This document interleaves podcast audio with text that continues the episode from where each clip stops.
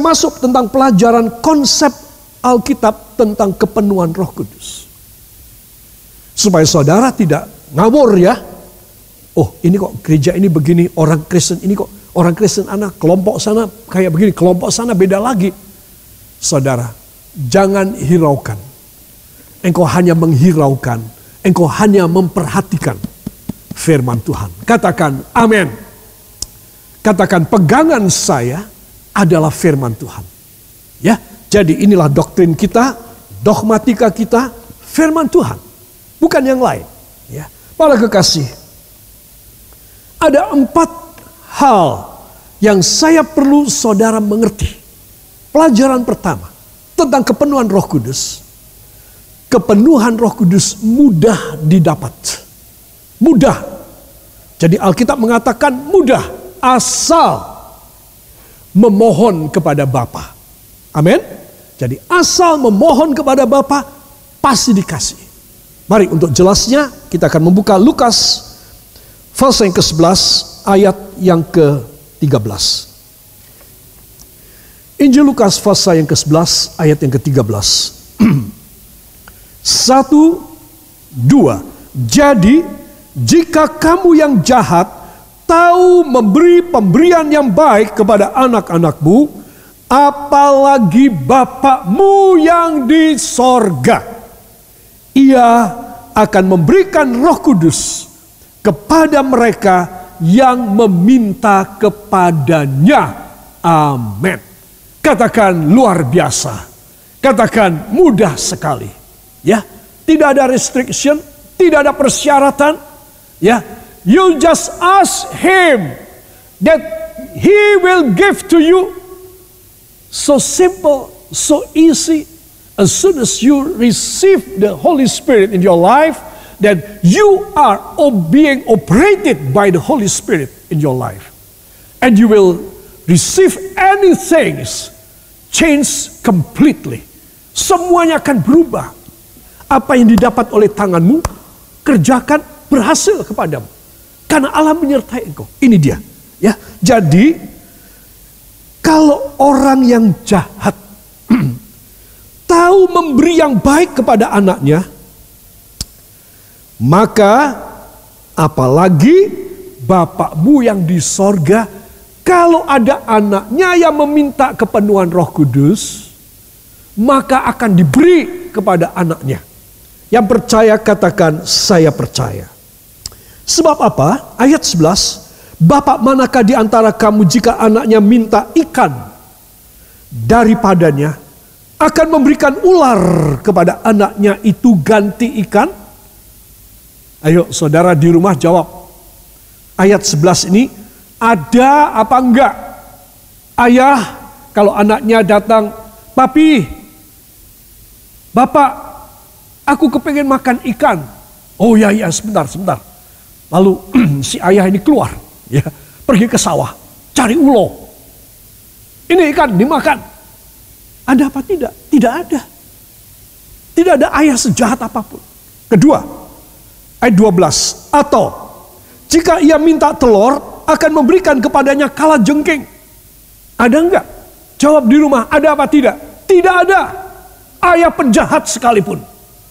Kalau anaknya minta telur, akan di belikan dan diberikan telur. Amin. Tidak akan dicari. Sebentar, sebentar, sebentar. Papa tak cari dulu sebentar. Dia pergi ke tempat yang gelap, yang lembab. Dan dia mencari kolo jengking. Tidak ada. Atau, ya, tidak ada. Jadi jika kamu ayat 13, yang jahat saja. Manusia itu jahat. Makanya Tuhan bilang, kamu itu yang jahat aja. Gak enak ya Tuhan berkata begini, keras ya. Kamu yang jahat aja tahu memberi pemberian yang baik pada anak-anakmu, apalagi bapakmu yang di sorga. Kalau anaknya itu minta kepenuhan roh kudus, pasti mudah diberi. Yang percaya, beri kemuliaan bagi dia. Wow. Ya, ini nomor satu. Poin pertama. Poin kedua,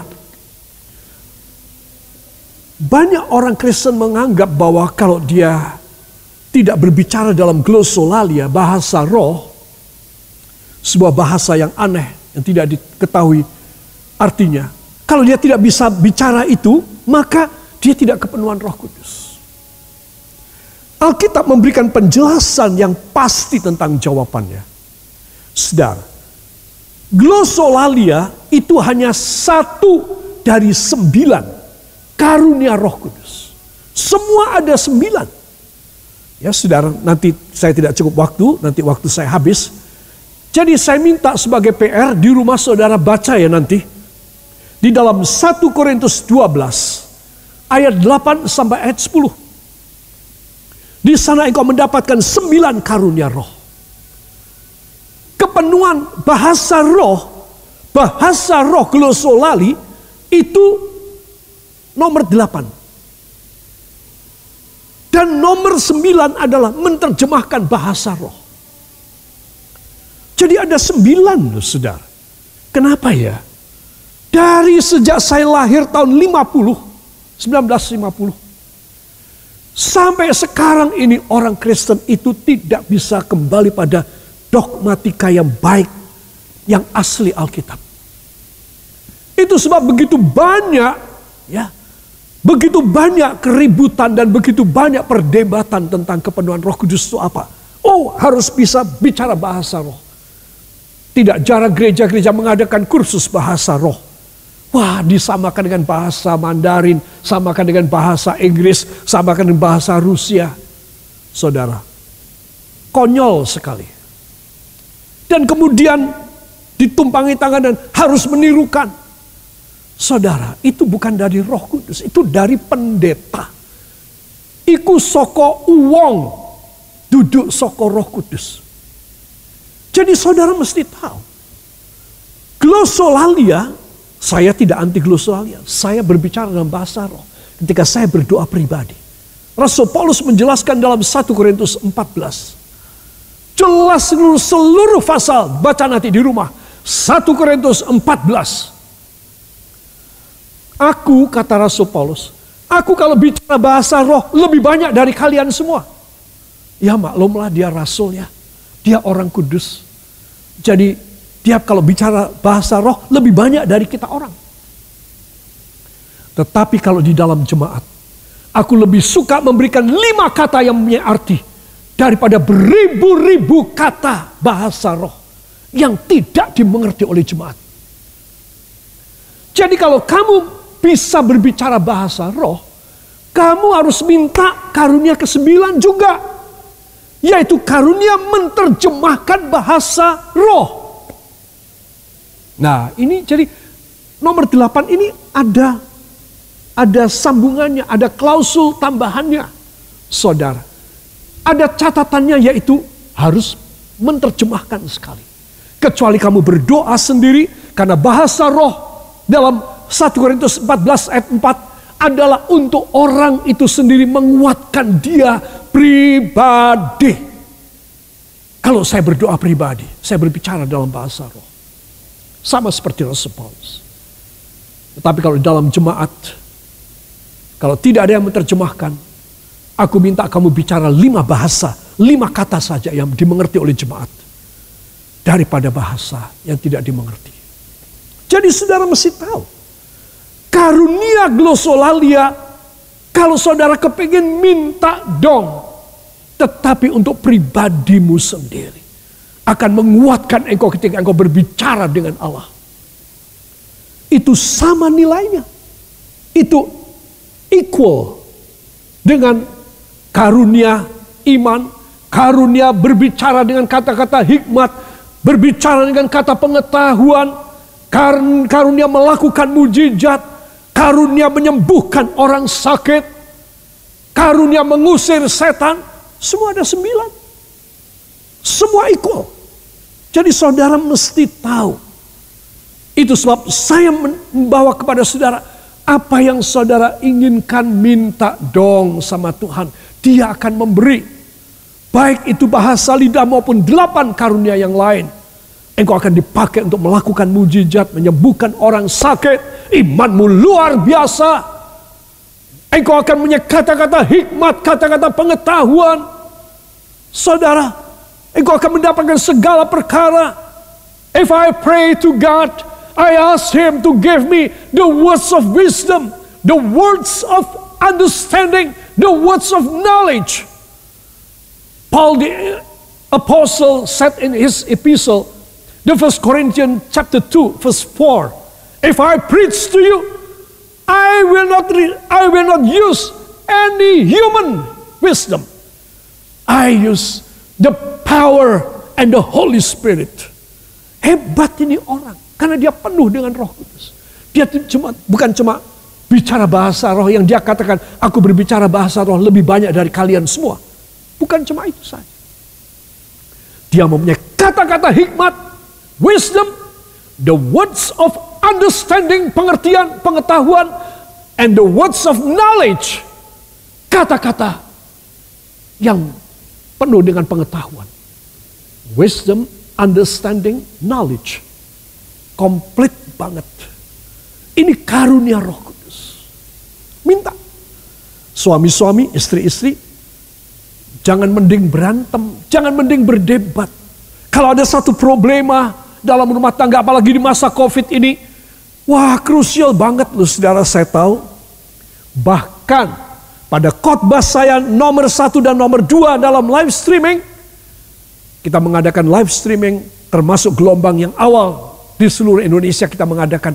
Saya beritahu kepada Anda, hati-hati dengan COVID-19. Karena apa? Karena orang biasanya ketemu cuma berapa jam dalam 24 jam.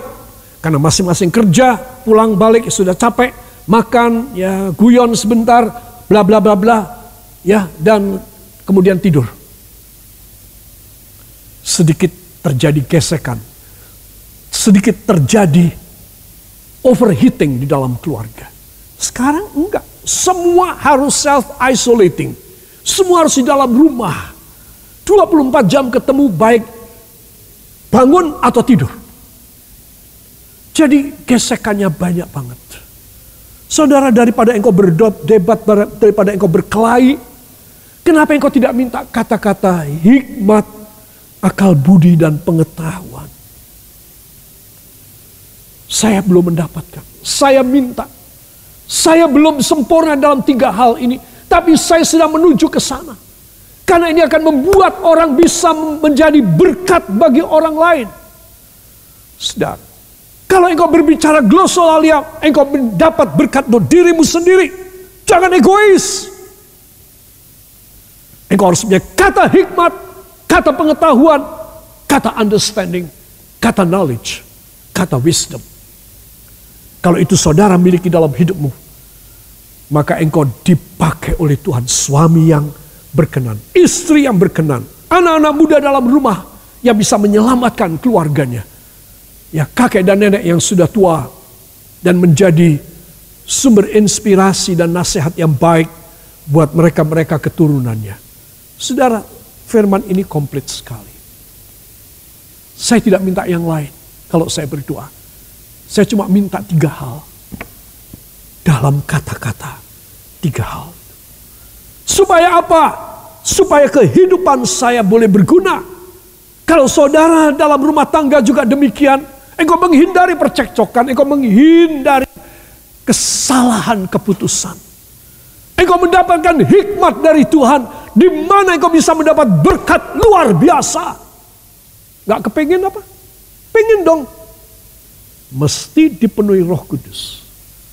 Bukan dipenuhi dengan perkataan manusia yang sia-sia. Banyak orang membayar mahal untuk kata-kata manusia. Saudara, wah katanya si A itu si B, si X, dahsyat, hebat, luar, biasa, luar biasa. Sampai jadi luar binasa. Saudara, perhatikan. Cuma ini loh yang membawa Anda dan saya pada kejayaan. Pada satu top achievement that God will provide to you all your whole life. Not for only a short term. Tidak hanya untuk sementara waktu yang pendek. Tidak. Engkau diberkati itu sampai engkau mati anak keturunanmu. Engkau dipakai oleh Tuhan itu sampai akhir hidupmu. Bukan untuk sementara. Kalau engkau menguasai perkara-perkara duniawi ilmu-ilmu saja, itu sementara. Saya mau tanya ketika saudara mencapai gelar tertinggi, doktor dan profesor, saudara bisa apa?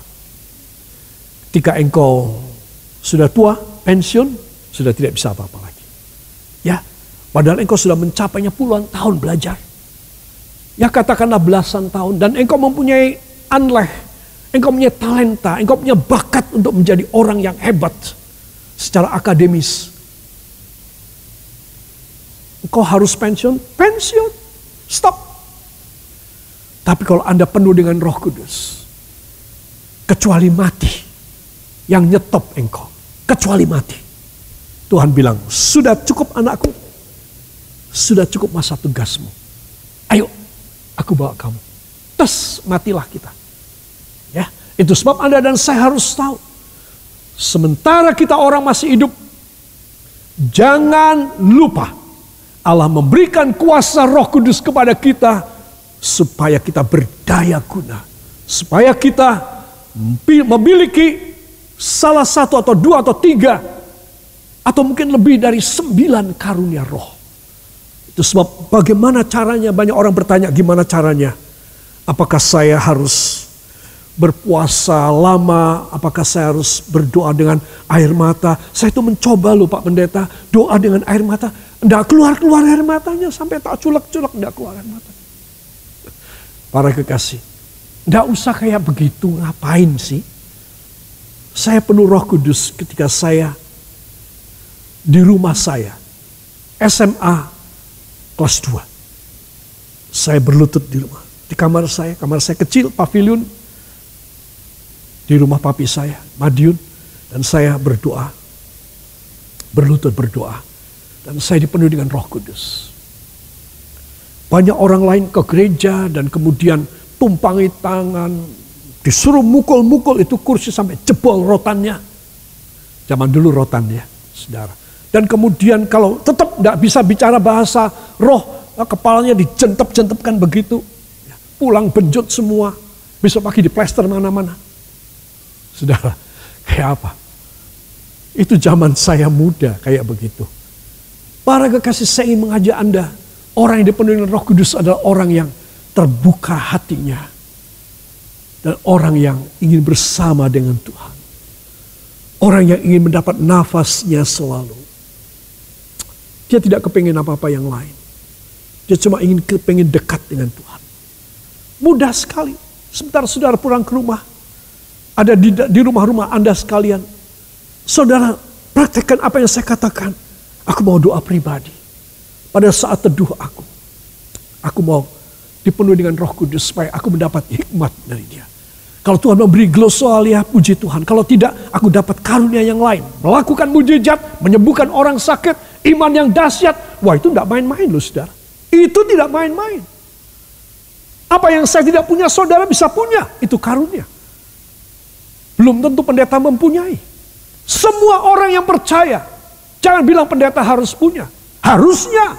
Tetapi kemungkinan jemaat bisa mendapat lebih banyak. Itu sebab Anda dan saya harus tahu. Semua tergantung kebijakan dari Tuhan dalam memberi kepada kita orang. Kalau saya dan saudara menerima apa pemberiannya, itu sempurna. Ya, itu sebab hal yang ketiga sebelum saya menutup. Roh Kudus yang memenuhi kita, ya saudara, adalah perwakilan Yesus di dalam hidup kita.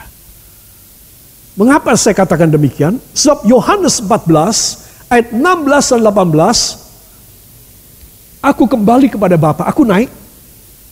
Ya. Aku menurunkan Roh Kudus. Jadi supaya kamu tidak yatim piatu. Supaya aku mengganti hadirku secara fisik. Aku ganti dengan memberi roh kudus kepada kamu. Terus siapa orang yang dipenuhi roh, roh kudus? Adalah orang yang selalu kepengen bersama dengan Yesus. Dan dia hanya menyediakan hidupnya dan menyerahkan hidupnya untuk selalu bersama dengan Yesus. Syaratnya itu mudah, tidak angel ini. Saudara bisa cari uang, kerja, ngajar di sekolah, di kampus, saudara bisa kelilingan. Dalam mata pencaharian saudara, saudara bisa kerja apa sajalah. Saudara, kalau engkau selalu punya kerinduan dekat dengan Tuhan, engkau akan mudah selalu dipenuhi dengan roh kudus dalam hidupmu. Tidak susah. Tidak ada persyaratan yang yang aneh-aneh tidak ada. Yang keempat, roh kudus meninggalkan orang yang berbuat dosa. Ini berita tidak baiknya. Ketika saya jatuh dalam dosa, Anda jatuh dalam dosa, apa yang terjadi? Roh Kudus meninggalkan kita. Saudara, kita harus mulai bertobat lagi dan meminta belas kasihannya. Saya tidak tahu kemungkinan ada di antara kita dan semua para kekasih yang mendengar ini ada di antara kita merasa demikian. Ah, aku sudah kehilangan roh kudus. Aku telah melanggar firman, aku telah jatuh dalam dosa ini, aku telah melakukan ini itu segala macam. Minta ampun cepat. Supaya roh kudus masuk dalam hidup saudara kembali. Menguasai hidupmu kembali. Saat COVID-19 di mana kita disuruh tinggal di dalam rumah saya sudah lupa sampai sudah hampir tiga bulan ya. Tidak keluar rumah ya. Saudara. Dan kelihatannya berbahaya sekali. Kalau ini makin lama nanti pada saatnya kita boleh keluar, kita tidak bisa keluar rumah. Karena pintunya kesesakan. Ya, kemungkinan ada di antara para pendengar saya yang tambah lama tambah tambun. Harus dijaga untuk tetap slim ya. Harus jaga karena itu, karena kita kurang mikir, kurang mikir tapi emosional banyak. Lemu dan ini. Lemu itu apa? Ya itu, ya. Karena kita kurang gerak. Itu sebab dijaga kesehatan saudara. Tetap tetap slim. Jaga. Wah, ini kelihatannya keberatan saya tidak bagus. Memang tidak bagus, tidak bagus. Kesehatan Anda tidak bagus. Jadi kita tidak kena COVID-19, tapi kena kegemuan. Ya, makanya kalau di rumah kita harus minta Tuhan tolong kepada hamba bukan cuma dari COVID-19 saja, tapi dari semua penyakit yang lainnya diakibatkan karena kita mengurung diri. Karena kita kurang bekerja. Itu sebab anak-anak Tuhan perhatikan ketika orang jatuh dalam dosa. Jangan bilang, oh aku tidak pernah. Pasti saudara bukan orang yang jujur. Pasti. Semua orang jatuh dalam dosa. Roma pasal 3 menyebutkan. Itu sebab kemuliaan Allah sudah hilang. Apa kata kemuliaan Allah hilang? Roh kudus hilang. Saudara. Itu sebab kita harus minta kembali. Tuhan, masa COVID-19 beri kepada hamba roh kudusmu melimpah ini adalah masa di mana hamba menanti-nantikan saat kepenuhan roh kudus dalam hidup hamba. Praktekkan di rumah saudara. Jika engkau doa pribadi atau bersama dengan isi rumah, saudara, praktekkan. Minta supaya roh kudus memenuhi. Ada sembilan karunia, jangan lupa. Bukan cuma satu. Dan kalau satu itu engkau punya, sebaiknya engkau punya yang satunya lagi. Kalau nomor delapan engkau punya, Bahasa roh nomor sembilan sebaiknya Anda punya juga. Supaya bisa menjadi berkat buat jemaat. Itu sebab Anda dan saya kita harus minta. Tuhan tolong. Saat ini kami memperingati kenaikanmu kembali ke sorga. Dan beri kepada hamba segala perjanjianmu yang dahsyat. Yang hamba terima pada malam ini. Dan itu akan menjadi kejayaan hamba seumur hidup dan engkau akan pakai hidup hamba untuk kemuliaan namamu. Siapa mau demikian, pejamkan mata, tundukkan kepala, datang kepada Tuhan Yesus. Bapa, hamba telah menyampaikan sedikit daripada isi hatimu. Berkenaan dengan maksud tujuanmu meninggalkan kami dan kembali ke sorga. Oh Tuhan kami tidak sedih, kami tidak kecil hati, sebaliknya kami berbangga kami bersorak-sorai, sebaliknya kami penuh dengan keyakinan dan kemantapan bahwa kami akan menerima yang luar biasa dari Engkau. Para kekasih siapa yang percaya bangkit berdiri di tempat saudara. Angkat tangan kanan saudara ke sorga. Taruh tangan kiri pada jantung saudara. Bisikkan doa pribadi saudara. Saya berikan waktu sebentar. Ungkapkan isi hati dan kerinduanmu. Bahwa engkau ingin dipenuhi dengan roh kudus.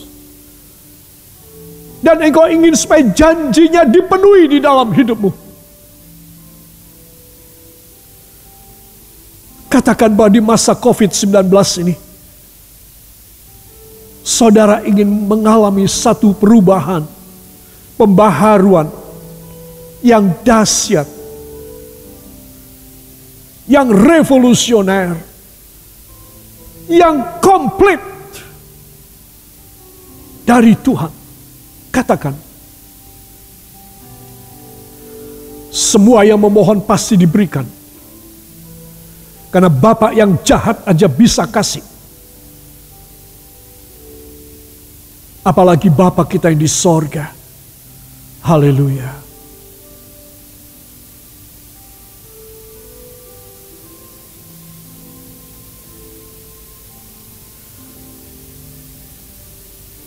Biarlah roh kudusmu bekerja dan menguasai pikiran kami, hati, jiwa, dan roh kami, tubuh kami yang lemah, Kuasai kami semuanya. Hujani kami. Selain dengan roh kudusmu, penuhi kami juga dengan berkat-berkat yang kami butuhkan di masa ini. Karena engkau Bapa yang luar biasa sempurna. Dan engkau menghargai setiap kami yang datang sowan kepadamu.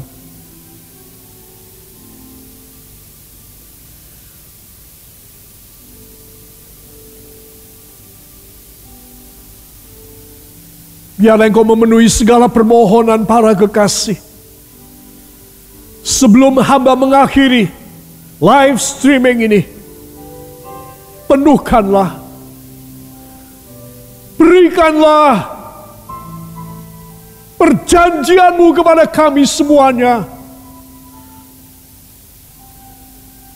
Oleh sebab itu saudara yang kekasih, diberikan kepada saudara damai sejahtera, pengurapan dan kepenuhan roh kudusnya diberikan kepada saudara kesehatan, kekuatan, kebugaran.